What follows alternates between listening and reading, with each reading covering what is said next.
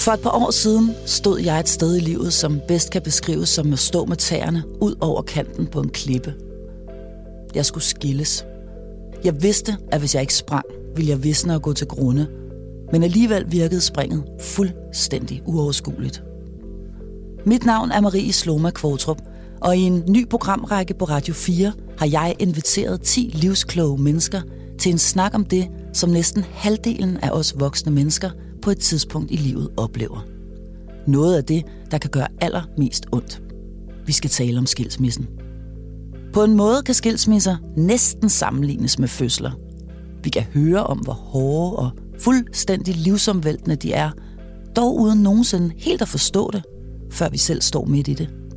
Og når vi står der, handler det om meget mere end at stable en ny hverdag på benene og få sine børn godt og sikkert med igennem. For hvem er vi egentlig?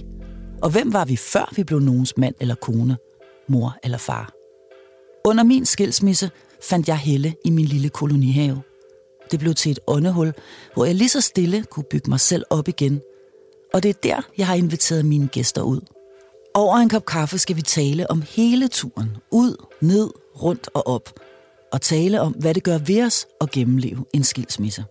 Uanset om man er blevet forladt, eller selv var den, der gik. Jeg håber, du vil lytte med.